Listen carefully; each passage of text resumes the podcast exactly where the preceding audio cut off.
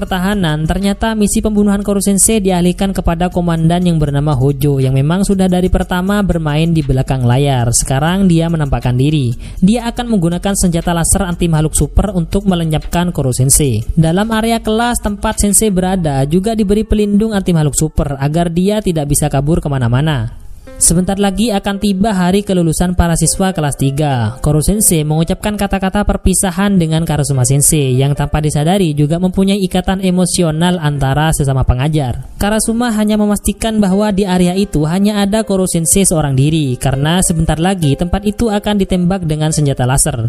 Untuk berjaga-jaga, pemerintah menangkap semua siswa agar tidak menemui Koro Sensei. Mereka semua ditangkap dan dikurung dalam penjara bawah tanah. Hojo selaku komandan juga menyampaikan bahwa selama ini mereka hanyalah umpan agar makhluk super itu tidak pergi ke mana-mana. Padahal menjadi wali kelas mereka memanglah keinginan Koro Sensei. Para siswa itu